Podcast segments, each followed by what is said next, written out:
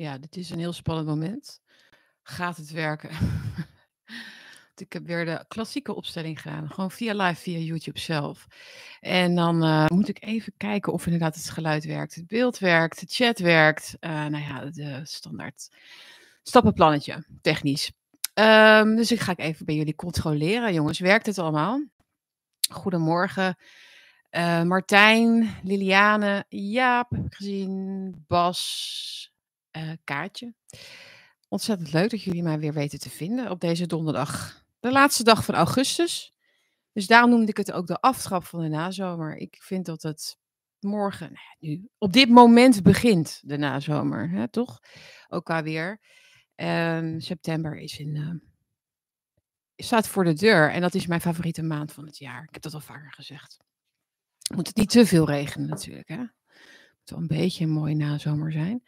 Ik klets een beetje door totdat ik bevestiging krijg dat het werkt. Alles werkt. Nou, fijn jongens. Prachtige foto's op Insta, dankjewel. Ja, ik heb een paar vakantiekietjes op Insta gezet. Ik heb weinig op Twitter gezeten de laatste weken. Wel iets meer op Insta, omdat ik zulke mooie natuur en, en, en nou, ik ben in Zwitserland geweest twee weken. Dus dan wil je wat, af en toe wat delen daarvan natuurlijk. Uh, goedemorgen. Ja, jongens, kom er gezellig bij. Het is nog, nu nog een klein petit comitéetje. Hè, voordat hij straks niet meer live is en mensen het dan daarna gaan kijken. Ook hartstikke leuk. Kan natuurlijk ook. Maar kom er even gezellig live bij. Pak even een kopje koffie of een kopje thee. Of wat je dan ook graag drinkt. En ik vind dat ik iemand. Ik, ben, ik ga strenger zijn. Heb ik al. Kijk, ik heb natuurlijk heel lang kunnen nadenken de afgelopen week. Um, met uh, negativiteit in de chat. Gewoon narigheid. Ik heb er gewoon geen zin in.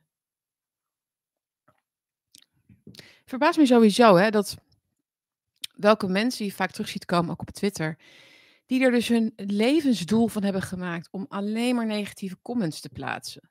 Weet je wel? Dan denk ik, als jij iemand. Ik, ik, ik, ik bedoel. Ik, heb, ik ken ook mensen op Twitter, journalisten, mensen in de media, die, die ik liever eh, vandaag eh, dan morgen zie vertrekken uit het sociale mediadomein. Maar ik ga er toch niet mijn energie in stoppen. Uh, ik ga er gewoon uh, aan voorbij. Fijn dat iedereen er weer bij is. Inderdaad, ik kan niet zien hoeveel. Oh, 217, 219. Gezellig, jongens.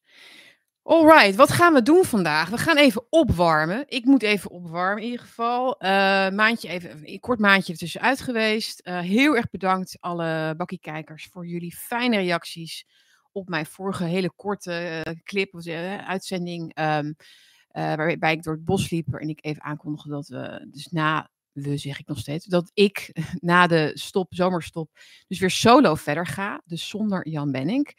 Dat is ontzettend jammer. Ik uh, voel het echt als een gemis. Um, de meeste um, reacties waren gelukkig, was ik heel blij mee, heel erg um, uh, ondersteunend en begripvol. En soms zelfs van, van ja, wij, wij, vonden jullie, wij vonden, of ik vond jou zo dat toch uiteindelijk beter. Dus voor mij is het eigenlijk niet zo erg. Andere mensen vonden het wel jammer. Nou ja, goed, dus zo uh, heb je verschil van mening natuurlijk. maar ja, dus de reacties van mensen die echt zeiden van ja, maar waarom en wat, wat is er dan gebeurd? Um, ik, ik, denk dat het, het, was gewoon echt een beslissing gebaseerd eigenlijk op het financiële kan, kant van het, van, het, van het verhaal. Uh, dus echt om te voorkomen dat Bakkie uh, failliet zou gaan, heb ik dit moeten, zo moeten doen.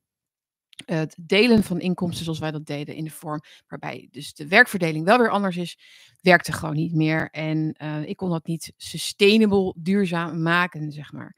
Dus op die manier heb ik dat dus moeten veranderen. En um, nou ja, in, in, in, in in, in, ja, in, in, overeenstemming, zeg maar, hebben we dat op die manier besloten. Dus, maar dat betekent niet dat er niet gasten zullen zijn de komende weken en maanden. Die ga ik zeker uitnodigen. Ik wil zoveel mogelijk gezellige gasten, gesprekspartners uh, hebben, interviews doen. Uh, dat, dat ga ik zeker doen. Dus uh, dan weten jullie dat. Andere huishoudelijke dingen. Jongens, blijf gewoon delen en liken natuurlijk de komende tijd.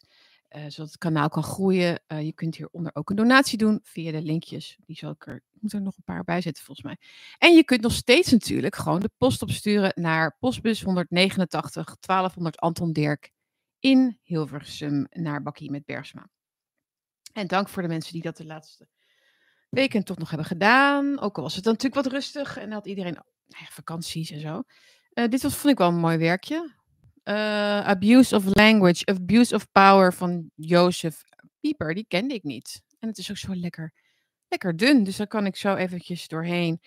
Uh, dus die ga ik lezen en dan gaan we bespreken in Wakkie. Ik heb deze vakantie ook het een en ander gelezen Um, ik heb wat Carl Jung gelezen, ook omdat ik naar het huis van Carl Jung ben geweest in Zurich.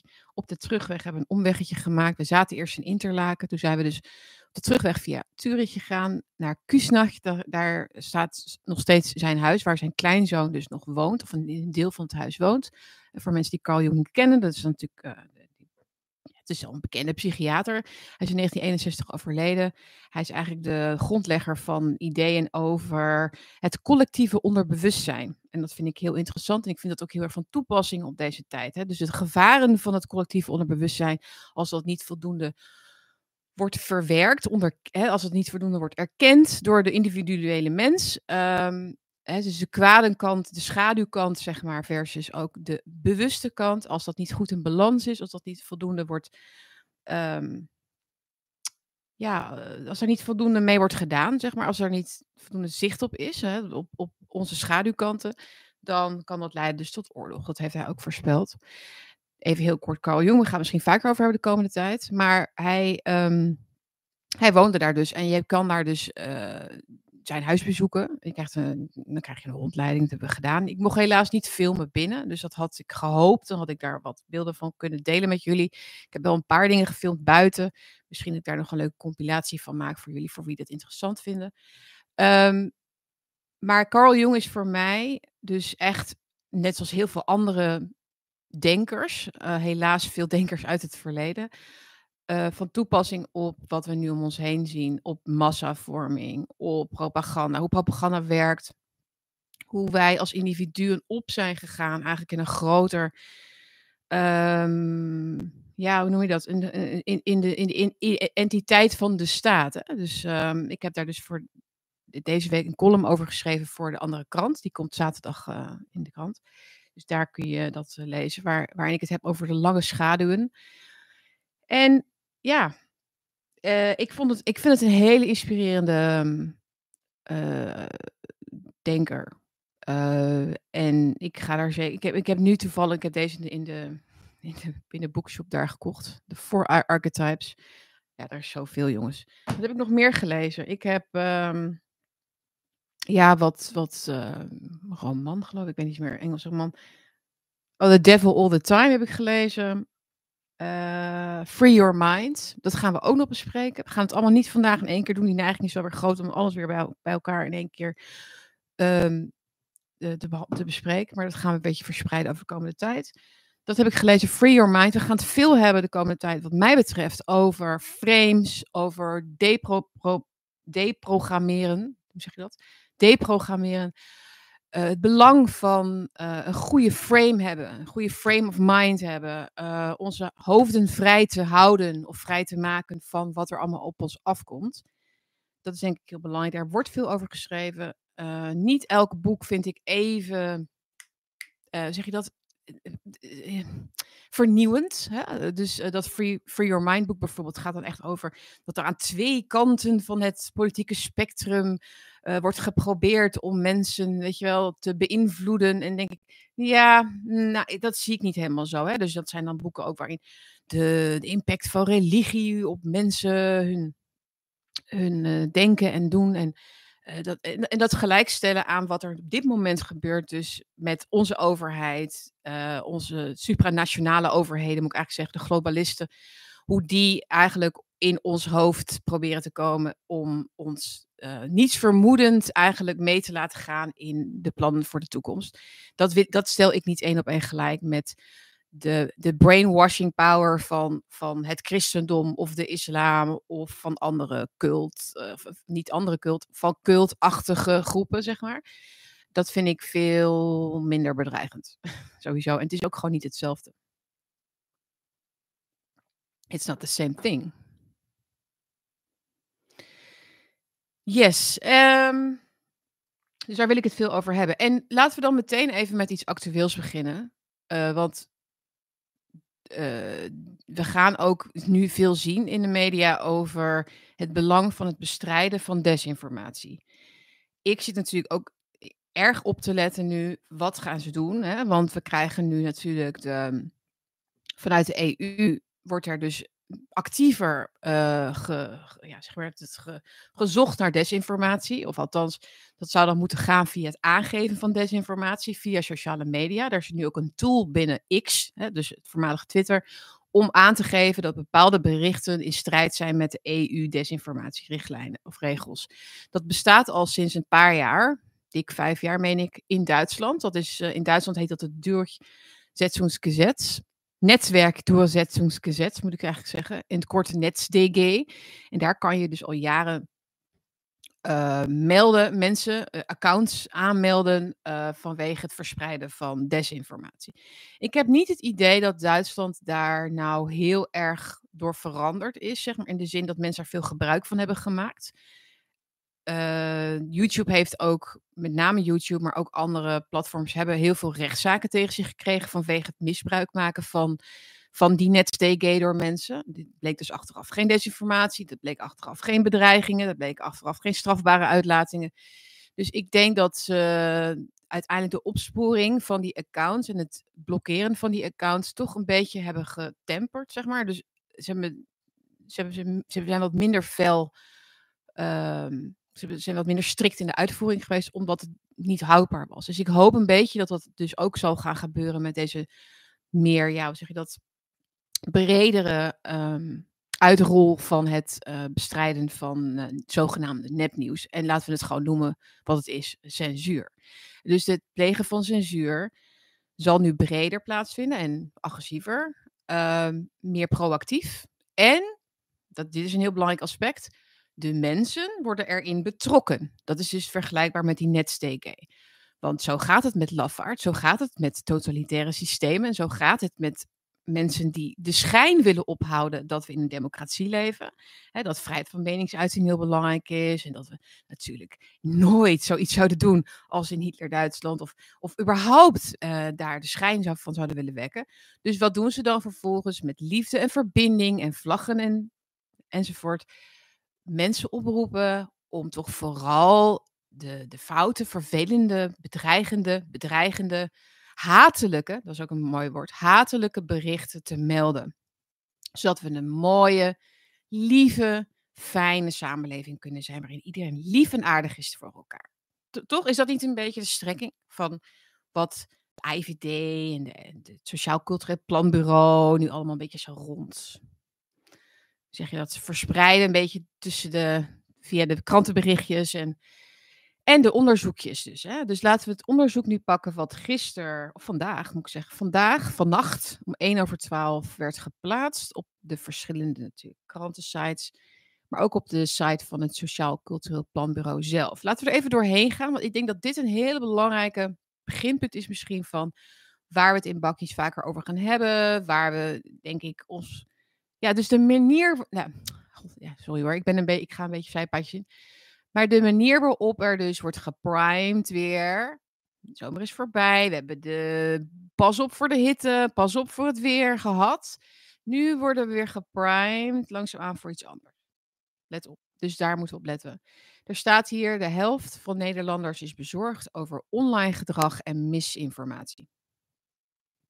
Dus een redelijk neutrale kop, hè? want je zal ze vandaag en morgen ook minder neutraal zien in de Volkskrant en NRC en zo, weet je, waarin het gaat over Nederlanders bang voor, hè, bang voor misinformatie en zo. Maar dus hier staat het redelijk neutraal.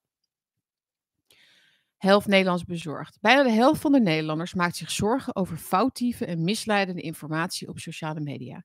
Het gaat dan vooral om zorgen over het gevaar dat mensen beïnvloed worden door misinformatie, onder meer bij verkiezingen. Daarnaast zijn er zorgen over vervelende omgangsvormen online, zoals bedreigingen en beledigingen. Dit blijkt uit onderzoek van het Sociaal Cultureel Planbureau dat vandaag verschijnt. Dit onderzoek naar de mening van burgers over internet en sociale media is onderdeel van de nieuwe editie van het continu onderzoek Burgerperspectieven, het COB. Het doorlopende onderzoek van het SCP naar de stemming in ons land en het vertrouwen van Nederlanders in de politiek en instituties. Onze overheid en het SCP en alle andere instituten gesubsidieerd door de overheid om adviezen te geven, psychosociale onderzoeken te doen of anderszins interventies te doen om mensen hun gedrag in positieve zin te beïnvloeden, hebben allemaal een obsessie ontwikkeld met het begrijpen van de andersdenkende, het begrijpen van waar het wantrouwen vandaan komt en uh, het peilen van stemmingen, de stemmingen in het land. De stemmingen in het land, dat is, dat is iets waar we, wat, wat, waar alle, alle energie eigenlijk op dit moment naartoe gaat. Meer heb ik het idee. Ehm, dat zie je ook heel erg trouwens. Uh, achter, de, achter de gordijntjes is dat ook uh, heel erg goed zichtbaar. Als je kijkt naar de WOP-documenten, dan zie je dat heel veel communicatie tussen ministers en de ambtenaren gaan over hoe krijgen we het zo dat de mensen enzovoort enzovoort. Hè, dus um, een voorbeeld daarvan is de, het, weet je nog, een paar jaar geleden had je het, ges, um, uh, het spreekuur op een NPO programma was dat, waar ook Hugo de Jonge volgens mij zat. En dan konden kijkers konden dan vragen insturen over vaccinaties of over andere dingen waar ze antwoorden op wilden. En dat was allemaal geregisseerd. Dat was al, die vragen waren allemaal vooraf bedacht. Het was allemaal, dus Jeroen Pauw wist ervan. Het was allemaal één grote setup. Dat is een goed voorbeeld van dus we kunnen natuurlijk wel, we kunnen het, ze zouden er ook voor kunnen kiezen om het gewoon natuurlijk te laten verlopen. Gewoon mensen, gewoon vragen te laten stellen die, we, die echt leven, de echte stemming in de samenleving. Hè? Dan heb je het wel over de NPO-kijkers, maar dan nog. Een echte stemming in de samenleving zou betekenen dat je dan de vragen onverwacht krijgt. Denk oh ja, gaan we beantwoorden. Dat zou, maar wat zij met stemming bedoelen, is de geregisseerde stemming. Ze willen de stemming beheersen. Ze willen de stemming begrijpelijk maken. dus terwijl stemming is per definitie iets wat je moet voelen, wat ontstaat, wat het gevolg is van acties van anderen. Is niet een um, logisch iets wat je in een model kunt, kunt zetten. Maar dat is nou eenmaal de wereld waarin we leven. Alles moet uh, gestandaardiseerd worden. Gestandaardiseerd worden. De, hoe wij denken moet gestandaardiseerd, gestandaard, ja, gestandaardiseerd worden en voorspelbaar gemaakt worden. Want dit gaat niet meer over wantrouwen en vertrouwen. Dit gaat over onvoorspelbaarheid en voorspelbaarheid. Mensen die vertrouwen hebben in de politiek moeten voorspelbaar, zijn voorspelbare mensen. En mensen die wantrouwen hebben zijn onvoorspelbaar. Daar zit voor hun eigenlijk de mismatch. Daar zit de, daar, dat moet weer worden uitgelijnd. Dat moet weer geëikt worden. Dat moet weer duidelijk worden. Dat is even algemeen hoe ik er, hoe ik naar kijk. Maar dan, maar dan even het onderzoek zelf.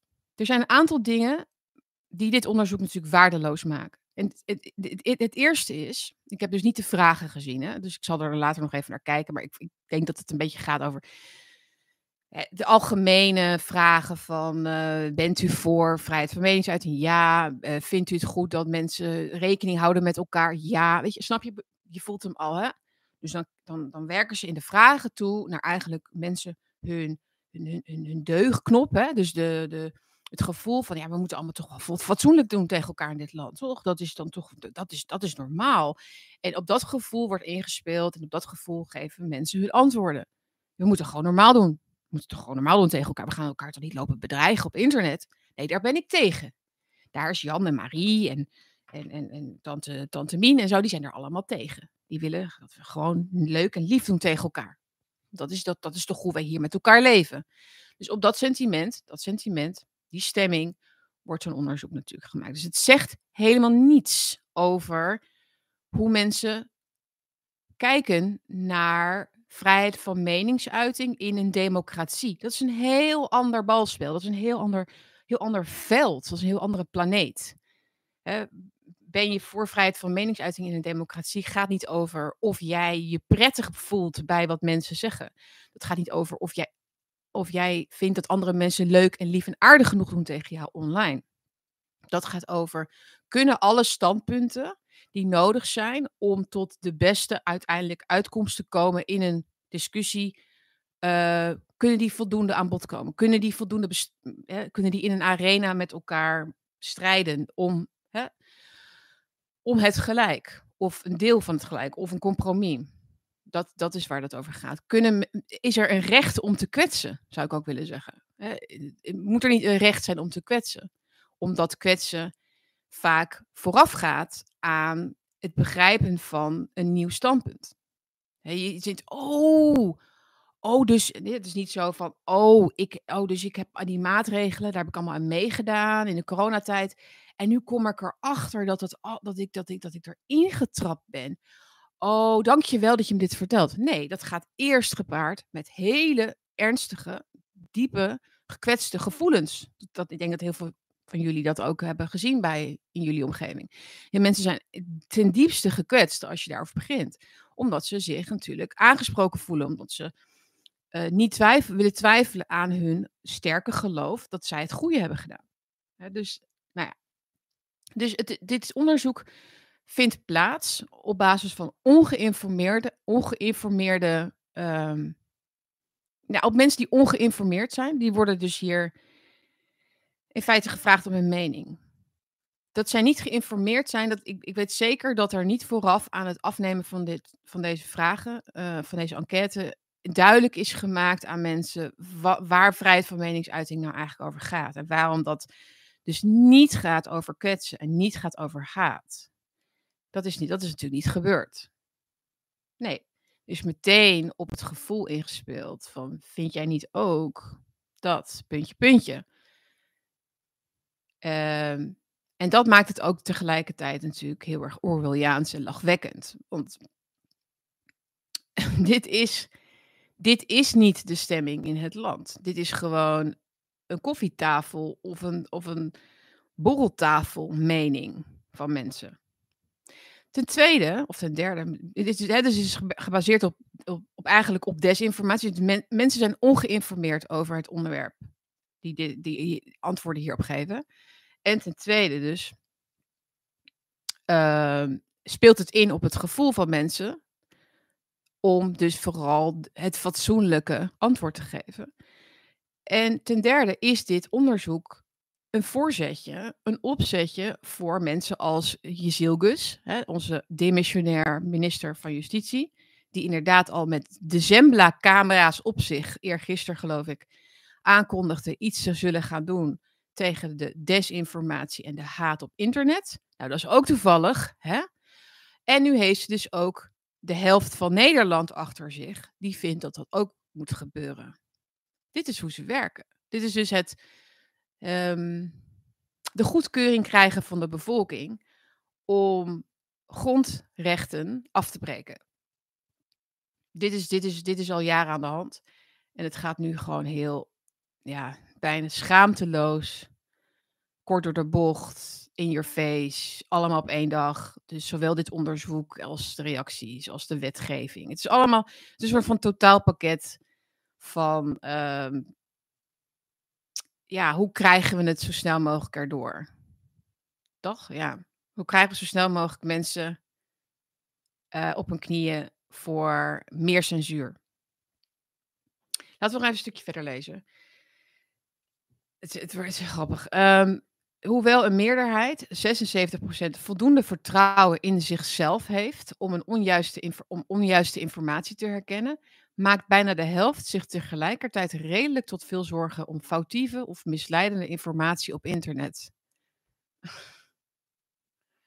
Mensen die, uh, dit is grappig, mensen die gehersenspoeld worden door propaganda, gaan, het gaat even niet om waar die vandaan komt. Dus dat is algemeen, is dat, dat is gewoon algemene kennis daarover.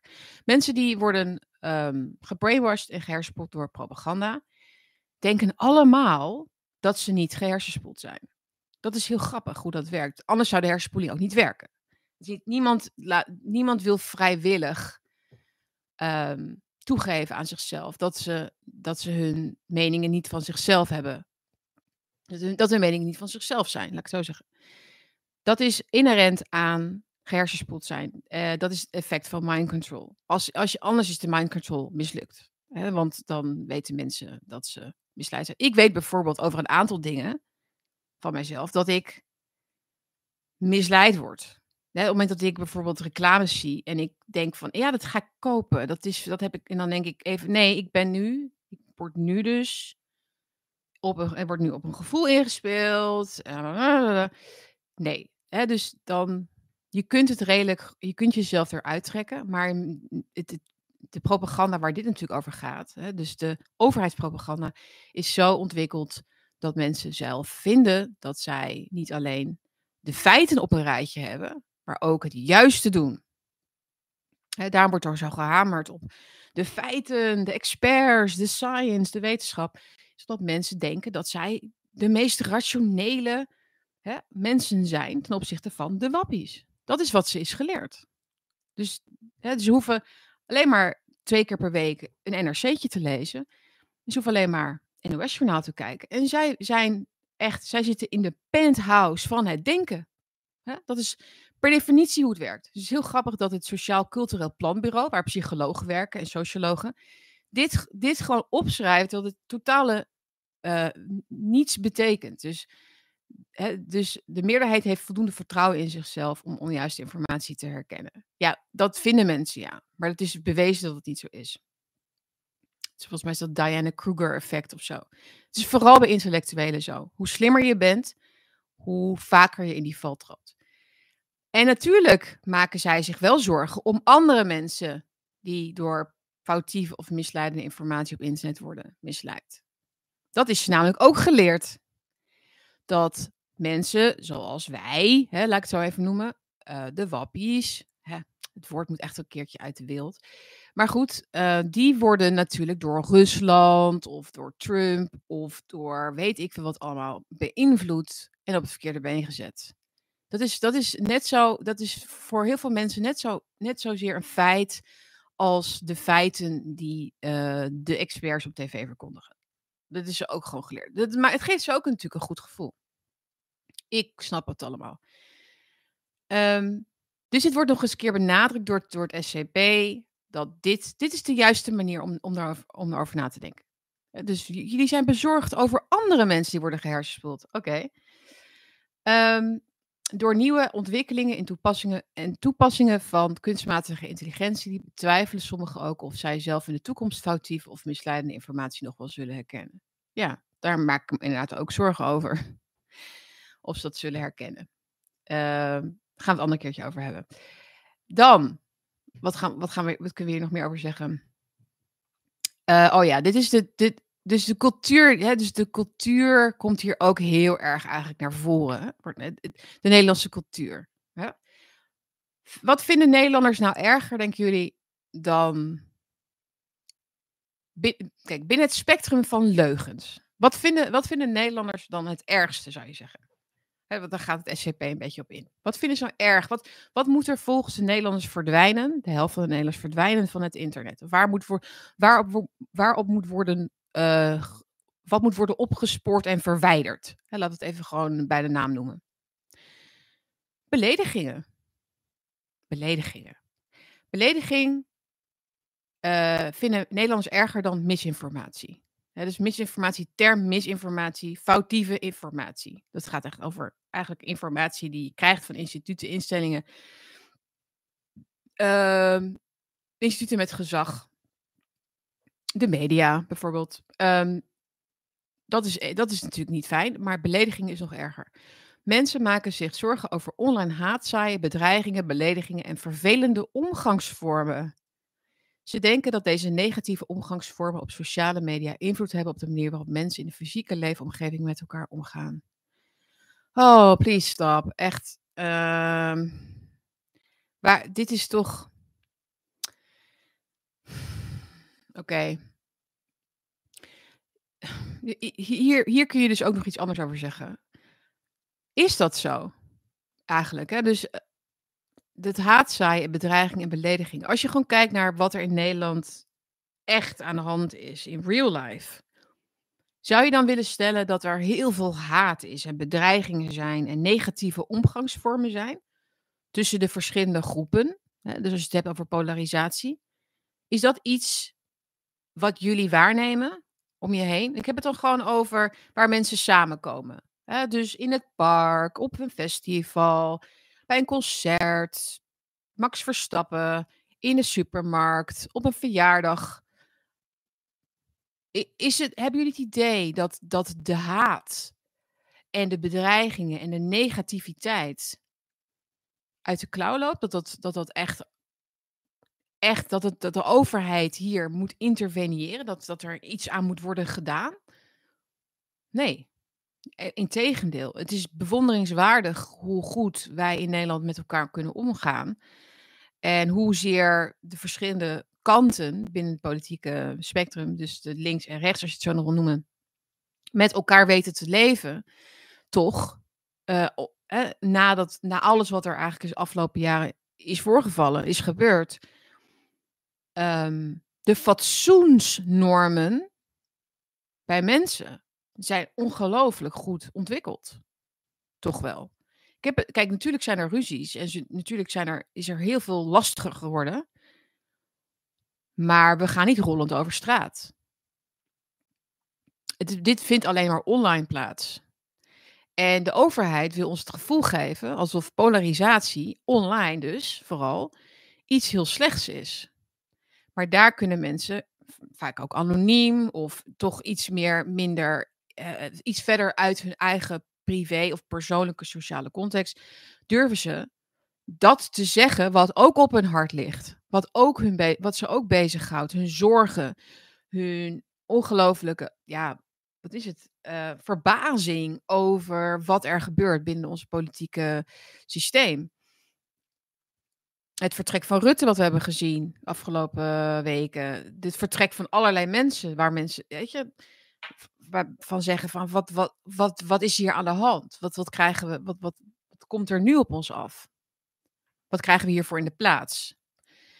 Dat soort zaken uh, houden, mensen, houden mensen bezig, maar die, die, die zorgen er wel voor dat ze dat dus niet meenemen naar hun dagelijkse sociale leven. Het is ongelooflijk dat politici dus olie op dit vuur gaan gooien. Door te, door, door te beweren dat mensen bang zijn in Nederland voor, ander, voor mensen met een andere mening en dat, en dat haat noemen of bedreiging noemen. En onwaar noemen en misinformatie noemen. En, en het is duidelijk waarom. Um, ja, lijkt mij. Uh, even kijken. Ja, dus de, nou ja, goed. Dus uh, ik, ik, ik heb eigenlijk iets heel positiefs gezegd nu, vind ik, over de Nederlanders in het, uh, in het, uh, in het wild.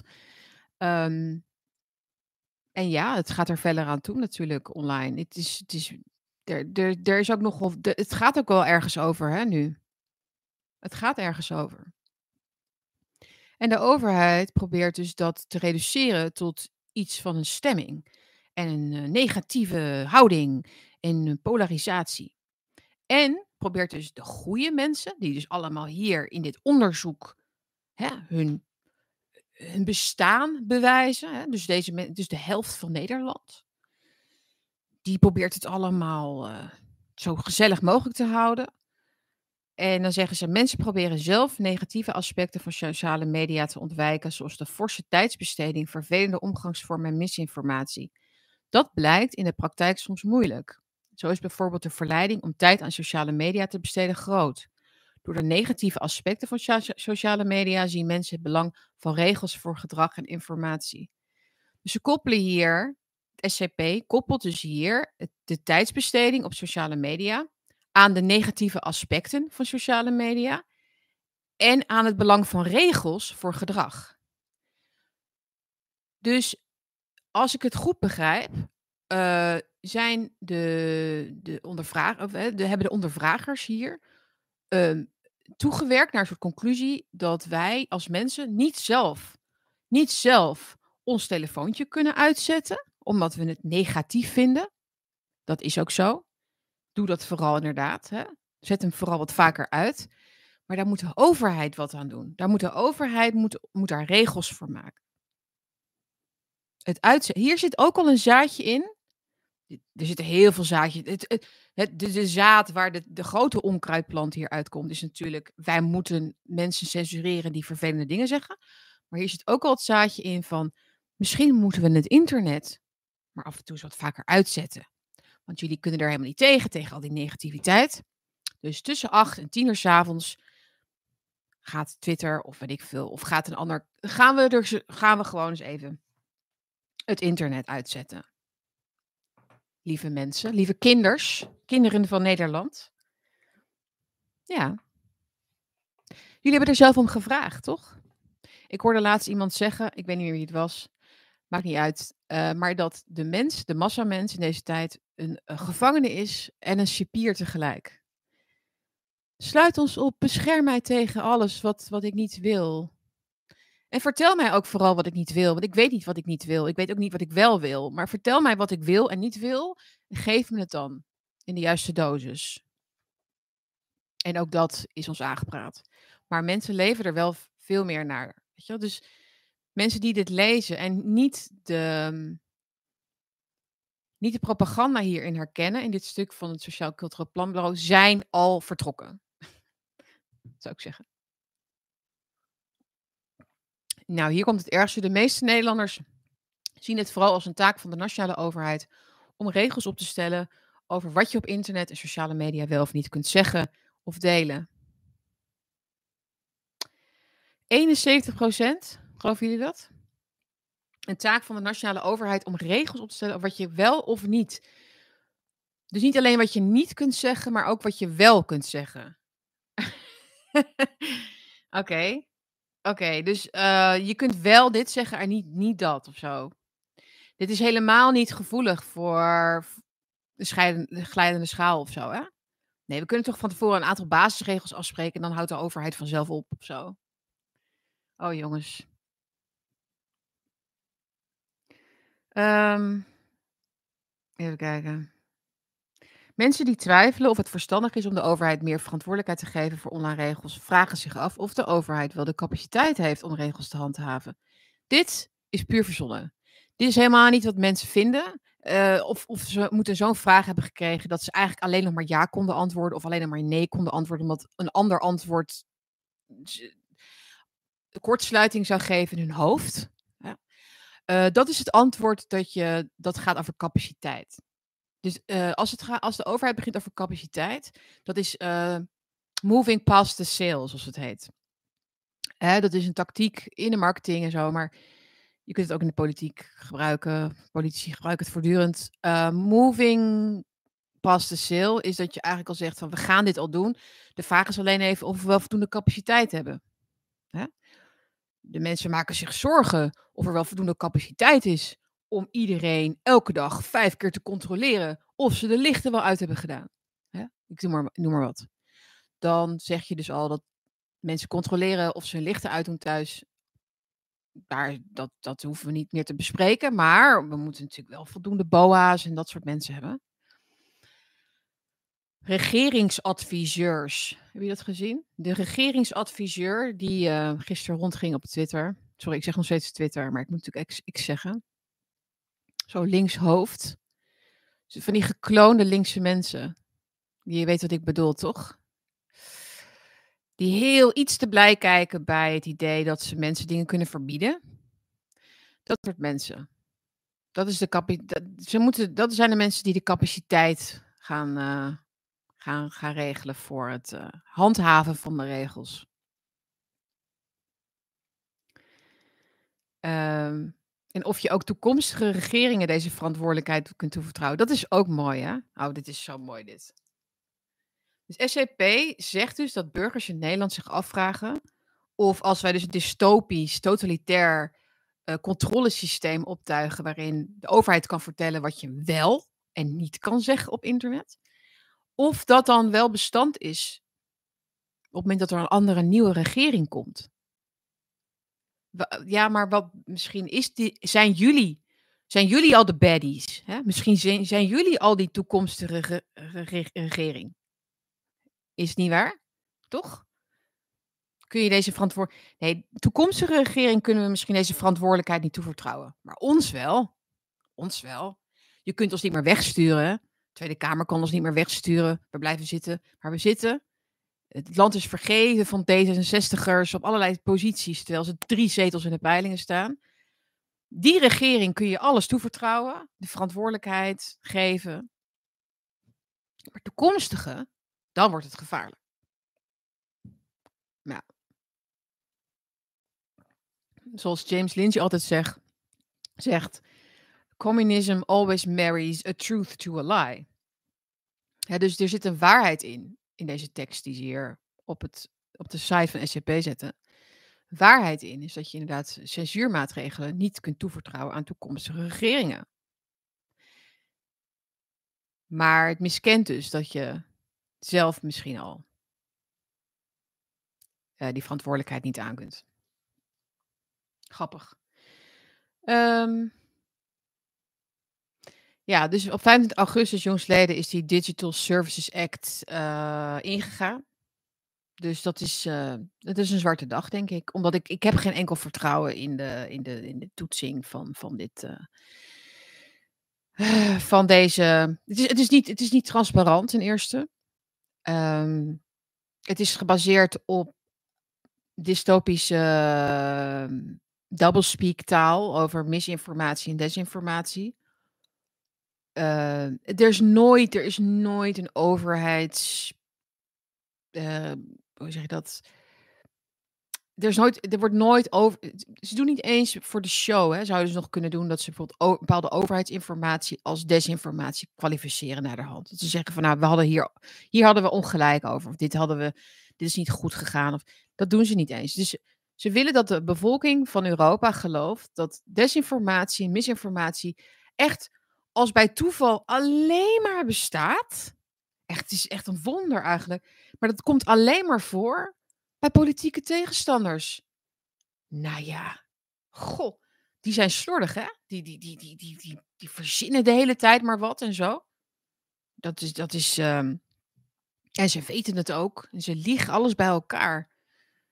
Die opposities in de, in, in, de, in de binnen de Europese Unie, de AFD en Viktor Orban natuurlijk. En Forum voor Democratie en al die mensen met al die YouTube-kanalen en Twitter-kanalen. En ja, die hebben dan weer een onderzoek van Pfizer gevonden, waarin staat dat X, Y, Z. En dat is dan ineens waar. Maar de overheid bepaalt wanneer iets waar is. Hè? Dat is ook zo. Dus alle misinformatie op moment X, op datum X, is misinformatie. En dan kan je dus van internet worden gegooid. En je hele inkomen kan worden verdampt door de overheid. En een jaar later is het waar. En dan hebben we het er gewoon niet meer over. Ook dat, hè? Dan is het, dan is het niet meer een onderwerp. Ik kan het er nu niet eens meer over hebben. Het hoeft ook niet. Het is overal te vinden. dus de, de informatie, de, de feiten, de waarheid die ons nu um, keihard inhaalt over de afgelopen jaren. Um, ja. Ik heb ook het idee dat dat wel wordt doorgelaten, toegelaten wordt. Ook een beetje uit een soort. Dat mensen het als een stuk rood vlees gaan zien. En dat ze dan zeggen, oh, we hadden gelijk, we hadden gelijk. En dat, dat mensen boos worden dat, dat er geen gerecht, gerechtigheid volgt. En geen rechtszaken volgen over de schade of over wat dan ook. En, uh, en dat ze dat ook weer laten gaan dan. Dat het dan hun, dat het dan weer de, in feite een soort van, ja, hoe moet je dat zeggen? Dat ze het ook weer moeten loslaten, omdat het gewoon geestelijk emotioneel te belastend is. Um, dat doen ze. Maar het is, heel, het is heel dubbel. Want ze hebben die rechter bijvoorbeeld in Weimar, die een uitspraak heeft gedaan. Die uitspraak heb ik helemaal een paar jaar geleden bestudeerd, omdat ik er zo blij mee was toen. Uh, die rechter heeft toen gezegd: mondkapjes op scholen zijn schadelijk voor kinderen en zijn in strijd met het kinderrechtenverdrag en zijn in strijd met mensenrechten. Hele afgewogen uh, uitspraak. Een heel lang, heel lang vonnis. Met heel veel uh, bewijsmateriaal. Een hele lange motivatie. Um, en dat heeft dus geleid tot het uh, opheffen van de maatregelen in een, bepaald, in, in, de deel, in een deelstaat van, van Duitsland toen destijds. En de overheid heeft daar dus op gereageerd. Dus de federale, o- zeg maar de, de aanklagers in, eh, in eh, Duitsland hebben eh, deze meneer dus een voorwaardelijke gevangenisstraf van twee jaar opgelegd. Een rechter. Een rechter. In Duitsland. Gewoon ons buurland. Hè? Dus niet in, ehm, we hebben het niet over een of andere bananenrepubliek of zo. Nou ja, het is maar hoe je het bekijkt. Ik denk dat we, ik denk dat we er wel zo naar moeten gaan kijken inmiddels. Europa is een, bananen, is een bananenrepubliek. Of een vazal. Het is, het, is niet, het is niet eens meer van ons. Het is een, we zijn een vazal. We zijn vazalstaatjes van, van de VS, toch? Volgens mij hebben we een soort van stilzwijgend ingestemd met onze eigen zelfdestructie. Zodat, eh, zodat Amerika nog een kans maakt of zo. Als globale speler, economische globale speler. Ik weet het niet hoor. Er zijn heel veel dingen aan de hand. Maar inmiddels is eh 40% van alle grote eh, industriebedrijven in Duitsland aan het vertrekken. 40% vertrekt nu, omdat ze het niet meer redden. Dus vanwege de klimaatmaatregelen met name. En ik zag een bericht vanochtend dat er windmolens, windturbines worden afgebroken nu in Duitsland om daar weer bruinkool te gaan winnen op die plekken. Het is letterlijk paaseiland, jongens. Het is allemaal fantasie en een verhaal. Het verhaal, zolang het verhaal nog steeds op de voorgrond is, gaan ze door. Dus het verhaal, zolang de fantasie nog in, in een bepaalde gedeeldheid, de, de, zolang de fantasie nog wordt gedeeld met de massa, ook al weet de massa wel dat het een verhaal is of zo. Maar volkeren leunen ook op verhalen. Dat is eigenlijk voor alle tijden. Dus het verhaal is dat we dit moeten doen of zoiets. Ehm, klimaat. Uh, maar de realiteit is, is, is natuurlijk wel, uh, wel hard. Dus op het moment dat de hele economie instort, ja, dan volgen wij natuurlijk ook. Alright, ik ga even naar de chat, jongens. Want uh, I'm just going off op dit artikel. Ik had nog een ander paar andere dingetjes ook hoor. Uh, ja, omzicht natuurlijk. Verrassend allemaal weer. Maar ook weer niet. Jullie hebben er vast ook een mening over. Ik ben er helemaal niet. Ik verwacht er helemaal niets van werkelijk. Althans, niet van het eindresultaat. Um, uh, even kijken of er nog meer. Um, doe, doe, doe, doe, doe, doe. Uh, kijk hoor. Ja, de ontgroeiing had ik opgeschreven als een aantekening. Dus de degrowth hè, uh, agenda. Is, daar zitten we nu op dit moment in, denk ik. Neem nog een slokje koffie, het is nog vroeg. het is niet zo vroeg meer. Heb je nog een vraag? Questions are welcome. Ah, I have a lot of thoughts. Um, ik ben heel, ik, ja, god, is het niet zo dat ik het vorig jaar ook zei? Wat gaat er dit jaar gebeuren? Nou ja, um, uh, van alles. Um, maar het is, het is wel redelijk, het, het is wel voorspelbaar of zo. Ik, la, laten we dan alleen nog eventjes de, de aangekondigde maatregelen weer nemen. Dus hoe ze het spelen nu. Dus er is een variant. En vanaf september, dus dat is vanaf morgen, zijn er weer, kun je, kun je dus weer de N halen, geloof ik. Of vanaf nou, in ieder geval volgende maand. En 70-plussers krijgen dan een uitnodiging, of 60-plussers ook, geloof ik. En kwetsbare. Dus kwetsbare mensen, jongeren ook, voor een nieuwe vaccinatie. Um, nou ja, wat voor maatregelen gaan we ze dan nog meer, meer bedenken of invoeren? Ik heb daar verschillende. Ik, ik denk dat ze uh, echt uh, op kousenvoetjes lopen nog hiermee. Het klimaatalarmisme, of het weeralarmisme moet ik eigenlijk zeggen, van afgelopen zomer, heeft niet echt het gewenste effect gehad. Ik, heb het, ik had het idee dat dat heel erg, mensen heel erg moest primen om in een angststaat, uh, of in een hele sterk, laat ik het zo zeggen, in een sterk gepolariseerde staat, uh, zeg maar, de, de verkiezingscampagnes in zouden gaan daarmee. En dat de, Ehm, ja, dus heel boos zo over de klimaatmaatregelen. Ik heb het idee dat mensen meer moe zijn ervan. Dat ze het niet geloven. Dat het niet aanslaat, zeg maar. Zeker niet omdat het een regenachtige juli maand was. En hetzelfde gaat gebeuren, denk ik, met de, de, de pandemie. De volgende ronde. Omdat als ze het niet zichtbaar maken op de voorgrond. En dat, hoe maak je een pandemie zichtbaar? Is natuurlijk de mondkapjes. Ze, ze zullen de mondkapjes moeten invoeren om het gevoel van urgentie uh, te creëren, maar ook om de polarisatie aan te zwengelen. Om de kampen weer in, hè, um, op te stellen. Zoals we dat graag zien. Hè, dat we weer rechtszaken gaan voeren en zo, weet je wel. Oh, alsjeblieft niet. Dat we weer rechtszaken gaan voeren. Dus de, ik denk dat de grote ignore-strategie nu moet worden ingezet. Dus negeren. Gewoon. Um, en als, je, als er mensen met mondkapjes rondlopen, gewoon naar ze toe gaan en zeggen van. Hè, maar uh, dit, dit, is, dit hebben we toch al gehad? Dus dit doen we toch niet meer? Ofwel.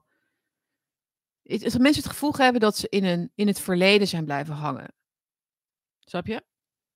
Want wat, wat, was, was COVID in 2020, 21 en 22 niet vooral heel erg gericht op het uh, verder kijken in de toekomst? Het uit de lockdowns komen, het hieruit komen samen en het, het leven hierna, zeg maar. Ik denk als we dat niet meer in ons hoofd zetten, dat we nu gaan leven, dat mensen snappen dat er nu genoeg andere dingen zijn waar we ons zorgen over moeten maken, dan krijgt dit absoluut geen voet aan de grond. En dan mogen mensen van mij natuurlijk gewoon naar zo'n prikhal gaan als ze dat nou eenmaal willen.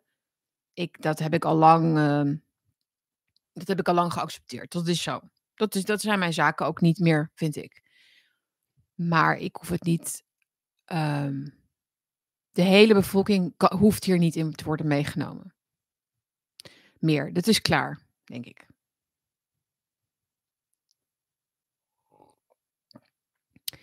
Er is een soort van versplintering. Alles wat echt speelt negeren ze om hun uh, International kantinepraat weer te pushen. Niks blijft plakken, het werkt niet meer. Ja, het werkt niet meer. Het is zoals met een, het is zoals met een verslaafde, denk ik.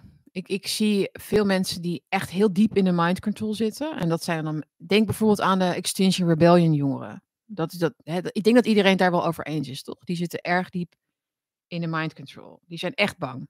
Er zijn mensen die zijn een soort van semi-bang of die spelen bang of doen mee omdat ze genoeg geld hebben voor elektrische auto's. Ze doen mee omdat ze toch stiekem gaan vliegen. En dan, weet je wel, maar ze zijn niet bang. Maar je hebt mensen die echt bang zijn, die echt in de mind control zitten. Dat zijn eigenlijk een soort zoals verslaafden zijn of zo. En dat, die, die parallel heb ik wel eens ergens gehoord van mensen die er, die er verstand van hebben.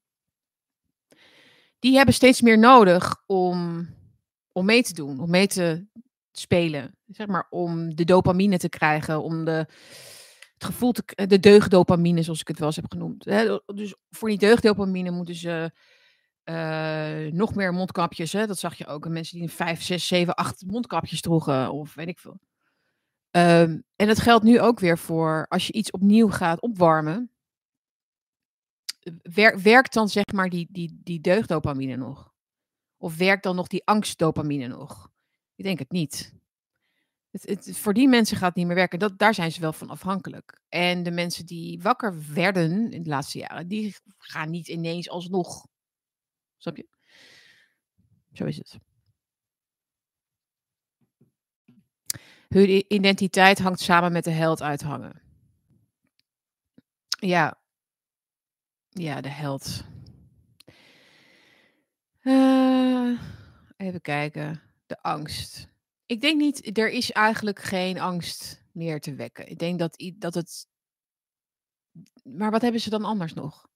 Was het niet Frans Timmermans die zei van in de politiek uh, is, angst, is angst creëren een belangrijk instrument of zoiets, jaren geleden. En hij probeert het nu ook. Maar je zag toch ook in zijn presentatie, want ik heb er een stukje van gekeken af, uh, wanneer was het? Twee weken geleden. Uh, dat ze proberen om daar dus van af te blijven. Dus ze snappen, dus de spindokters en zo, die snappen allemaal dat, dat, dat het niet werkt om, om dus de beelden van uh, overstromende rivieren en, en, en, en ijsberen en zo, dat dat dan niet meer zo heel erg inspireert, zeg maar, om mensen te, te laten stemmen. Dus, um, dat, dus het, is, het is meer. Ik, ik, zie het meer als de soort van de, de milde of de soft chantage, wat ze nu, nu gebruiken. En dus het verhaal van er is pas sociale rechtvaardigheid als er klimaatrechtvaardigheid is. Jullie moeten meedoen met wat wij zeggen, anders krijgen jullie geen sociale rechtvaardigheid. Die twee dingen hebben helemaal niets met elkaar te maken. Nou ja, in negatieve zin wel, want hoe meer klimaatmaatregelen, hoe sociaal onrechtvaardiger het wordt. Dus omgekeerd wel. Uh, dus het hangt wel samen, maar rechtvaardigheid. Dus ze, ze, ze, ze proberen rechtvaardigheid, rechtscha rechtschapenheid, ze proberen dus deugden te koppelen aan hun beulengedrag, aan hun destructieve, uh, wat is het? Plannen. Hun egoïstische plannen. Nee, dat was toch een, dat was een hele, hele schamele vertoning natuurlijk. Van Sturmans met die paar mensen in dat zaaltje. Heel triest. Um, even kijken. Heb ik iets nu heel erg nog gemist? Wat ik nu meteen even kwijt wil. Um, ja, dus we moeten denk ik de komende tijd um, nou ja, de positieve benadering heel erg blijven uitzoomen, zeg ik altijd.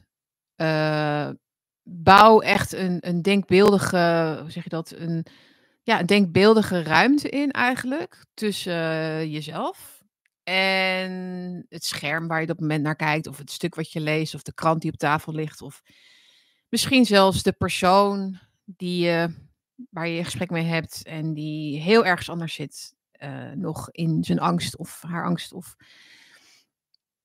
het geloof, hè, of als het bijvoorbeeld gaat over de oorlog, Oekraïne, of over Trump. Het is weer een pakketje ook, hè? Het wordt weer een pakketje. Trump, Poetin. Nou ja. Um, en eh, ja, heel veel mensen zitten nog steeds in de, in de derangement. Hoe kan iedereen denken dat Omtzigt veel zetels krijgt? Hij gaat hoogstwaarschijnlijk in één of een paar kiesdistricten meedoen. Vijf zetels of zo, maximaal. Ja, wonderlijk hè? Ik begrijp het ook niet. Um, ik hoorde iemand zeggen dat, het, uh, dat hij een bepaald martelaarsgezag heeft. Ik geloof dat, wel in dat effect, dat dat heel veel zetels in één keer kan opleveren. Zoals Caroline van der Plas het normale, gezellige vrouw uh, effect had. Um, daar is toch de Nederlandse kiezer wel gevoelig voor. En ik denk dat mensen heel graag verandering willen. Toch wel, maar niet echt durven. Dus dan is omzicht wel geschikt. En omzicht is precies wat eigenlijk de Nederlanders in het stuk van Sociaal Cultureel Planbureau zijn.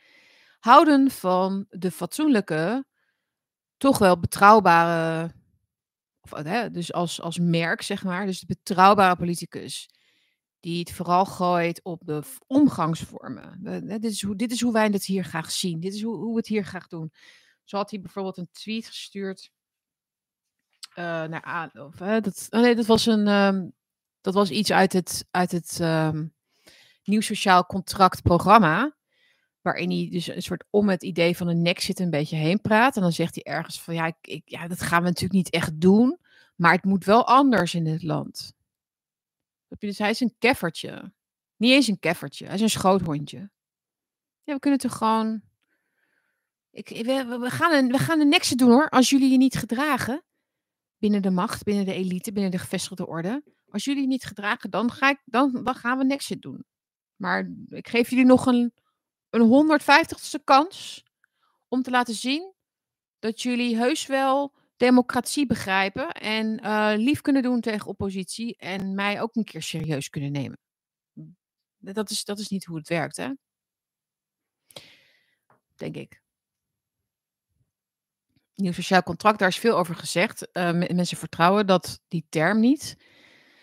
Ik, ik heb niet zozeer moeite met het, uh, misschien het idee dat het, dat het eigenlijk WEF, WEF, um, psyop-achtig dingetje is of zo. Um, ik vind het gewoon vooral te ingewikkelde naam. Ik vind het een. Want ik ga erover do oh, nou, over doordenken, zeg maar. Van nieuw sociaal contract. Nou, sociaal contract is iets, is een rechtsfilosofisch concept hè, van Rousseau en Thomas Hobbes. En het gaat uit van het idee dat de burger macht geeft aan de overheid, waar nodig, en uh, in ruil voor bescherming enzovoort. Um, even heel kort, en dan kun je dus zoveel mogelijk verder invullen. Maar wie is dan, dan denk ik als eerste, dat veronderstelt dat er contractspartijen zijn voor Pieter Omtzigt. Maar wie is dan de macht en wie, zijn, wie is dan de bevolking? Tussen, tussen welke partijen gaan we dan een contract opstellen eigenlijk? Daar moet het eerst over gaan. Hij, hij gelooft heel erg in het herstel van het vertrouwen tussen burger en overheid. Hij vindt dat een heel belangrijk aspect. En hij houdt het ook expres abstract. Het is een heel abstract idee. En natuurlijk is dat waar het in essentie over gaat. De overheid en de burger. Dat, die, die, die disconnect, zeg maar, is het probleem van deze tijd.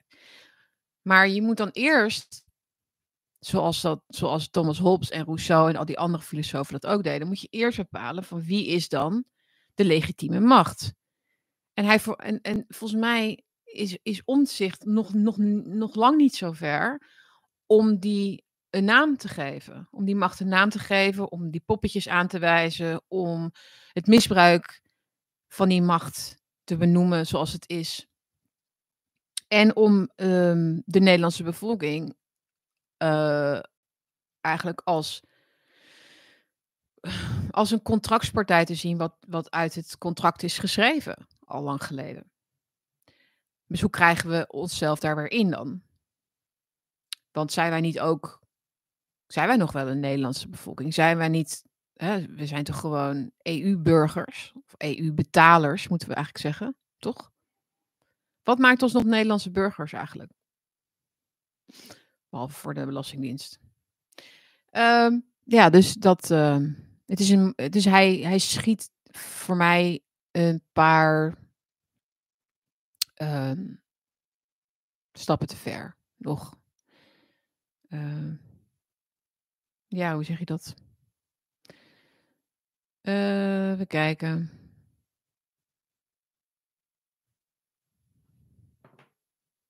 Ja, het is, ik snap ook wel dat het niet een echt concreet contract is. Iemand zegt het is een impliciet contract. Nee, natuurlijk. Maar um, ja. Ik weet het niet. Ik denk dat uh, door te denken in termen van contracten, voordat je uh, kijk, als je het vergelijkt met een echtscheiding of zo, hè, dan, dan moet je op een gegeven moment een contract maken. Tegenwoordig moet je een ouderschapsplan maken. Maar zolang er nog ruzie is tussen, de, tussen de partners, ex-partners, gaat er geen contract komen. En ik zie deze tijd als, uh, als een ruzie tussen de overheid en de burger. Of nou ja, het is, het is niet eens was het maar een ruzie. Het is een, uh, het is een dysfunctionele relatie. Zoals je ook dysfunctionele relaties hebt in gezinnen en families. Ik heb het ook wel eens in een column opgeschreven. Dat is niet, toen niet veel gelezen. Ik denk dat ik toen een beetje misschien te ver doorschoot met die, met die parallel. Maar de overheid die zich opstelt als een devouring mother, heb ik het wel eens genoemd. Uh, maar je kunt het ook als een vader zien. Je kunt het ook als een um, ja, een soort uh, tiran zien.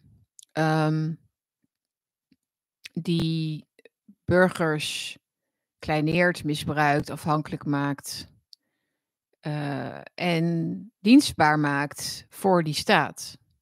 Emotioneel. Het is, het is, het, er zit heel veel emotionele afhankelijkheid in. Vooral bij Nederlandse burgers. Bij Duitsers is dat veel minder. Daar, werkt het psychologisch weer anders. Maar Nederlanders willen heel graag gezien worden door hun overheid. Dus als je bijvoorbeeld die boeren ziet die weg moeten van hun land. Er was laatst weer een vrouw die had twee jaar lang haar best gedaan om haar duurzame veehouderij uh, op te bouwen, omdat ze dat moest, omdat ze anders niet door mocht en nu alsnog weg moet. En radeloos was van wanneer is het nou wel goed? Hè? Ja, dan zie ik gewoon het verloren kind wat, wat uh, blijft proberen en niet autonoom kan worden. Dus de, mens kan niet, de mensen kunnen niet autonoom worden. En dat zou, dat zou de grote game changer worden, denk ik. Ja. Even kijken. Zelf eigen leven, leven. Nederland heeft in feite weinig koningshuis en politiek nodig in een mensenleven. Ja, zeker. Veel te veel. Veel te veel bemoeienis. Wat, wat mij opviel in Zwitserland, uh, is dat je daar nergens zonnepanelen en windmolens hebt. en pridevlaggen trouwens. Daar, dat, dat, dat, dat zegt zoveel toch? Dat, uh, dat als je mensen dat niet opdringt, dan is het er niet. Als je het een land niet opdringt, dan komt het er niet. En dan kunnen vast mensen in de chat of zo, of eh, als je kijkt, zeggen van ja, maar ze hebben daar andere energiebronnen of zo. Dat is allemaal eh, beside the point, want dat hebben wij ook. Wij kunnen morgen een kerncentrale aanzetten, wijze van. Dus het gaat niet om. Het gaat erom dat als het niet door onze strot wordt geduwd, dat het er niet komt. In Zwitserland, want geloof me, de Zwitsers doen het graag goed. Want als je kijkt hoe zij hun treinen hoe treinen eruit zien van binnen. Is dit, ik dacht, is dit eerste klas of zo? Het is zo uh, technisch perfect allemaal geregeld. En het ziet er zo mooi uit. Het is, ik bedoel, overal. Um, schone straten ook is wel heel duur. Je kunt er dus niet uit eten, wijze van. Ik bedoel, is, het is niet te betalen. Maar, maar gewoon dingen als parkeren en brandstof en de basics, brood, melk, allemaal wel redelijk te doen. Je hebt niet het gevoel als je in Zwitserland bent dat de, de overheid de bevolking het leven zuur wil maken of zo. ja, het is gewoon nog zo van mensen, we hebben het zo goed met elkaar. Uh, ik heb niet het hele land gezien. Ik ben wel dus in Zurich geweest. Dus ik heb niet in een soort resort gezeten of zo. Hè? Ik ben wel echt. Uh, I've been around. Hè? Dus vanuit Interlaken, een beetje omgeving. Zurich. Um, onbetaalbare stad. Eén dagje. Maar. Um, ja, het heeft een prijs. Maar het, is dus wel we ver weg van de EU-globalistische agenda. Terwijl dus uh, eh, 100 kilometer verderop daar Davos jaarlijks plaatsvindt. Zou, zou Zwitserland, want, want Klaus Schwab is een Zwitser toch? Zouden ze dat zien als een soort van thuishaventje waar ze nog, nou ja, waar ze alle experimenten op de mensen, zeg maar, nog niet uitvoeren of zoiets? Ik weet het niet. Ik weet, ik weet te weinig van het politieke systeem ook van Zwitserland. Ik weet wel dat hun bankgeheim enorm onder druk staat en zo en al die dingen. En dat ze ook niet meer zo neutraal zijn in de oorlog. Dat, uh, dat is wat, uh, wat, wat meer opgeheven de laatste maanden, geloof ik, jaar. Uh, dus dat is wel onder druk gebeurd natuurlijk. maar ik heb nou, twee Oekraïne-vlaggen gezien, denk ik, of zo. Dat was het. En geen, geen Pride zebrapaden, geen... Gewoon niets. En geloof me, want dan, hoe, minder het er is, hoe meer het opvalt als het er wel is natuurlijk. Kan ik nog iets over Trump zeggen? Um, nou ja, Trump uh, is, wat hij nu doet, is uh, een herhaling van 2016. Alles wat hij aanra aanraakt verandert in goud. Uh, bewijzen van. Maar het is vooral alles wat hem wordt aangedaan verandert in goud, moet ik eigenlijk zeggen. Ze willen hem zo graag weg hebben dat ze niet de tijd nemen eh, om na te denken over hoe over de boemerang, zeg maar, die ze weggooien. Door hem te vervolgen voor onzinnige aanklachten. Als je BNR Radio aanzet of Radio 1 aanzet en het gaat daarover, ja, ik, ik moet er echt om, echt om lachen. Weet je, dan, dan zat er zo'n commentator, zo'n VS ehm, correspondent, die dan zegt: Ja, nu wordt het Trump heel heet onder de voeten, want deze aanklacht, daar kan hij zich echt niet meer uit redden. Het is nu echt een 5 voor 12 en dit. En, dan denk ik: dit is, dit, Dat is niet waar, want hij is populairder dan ooit.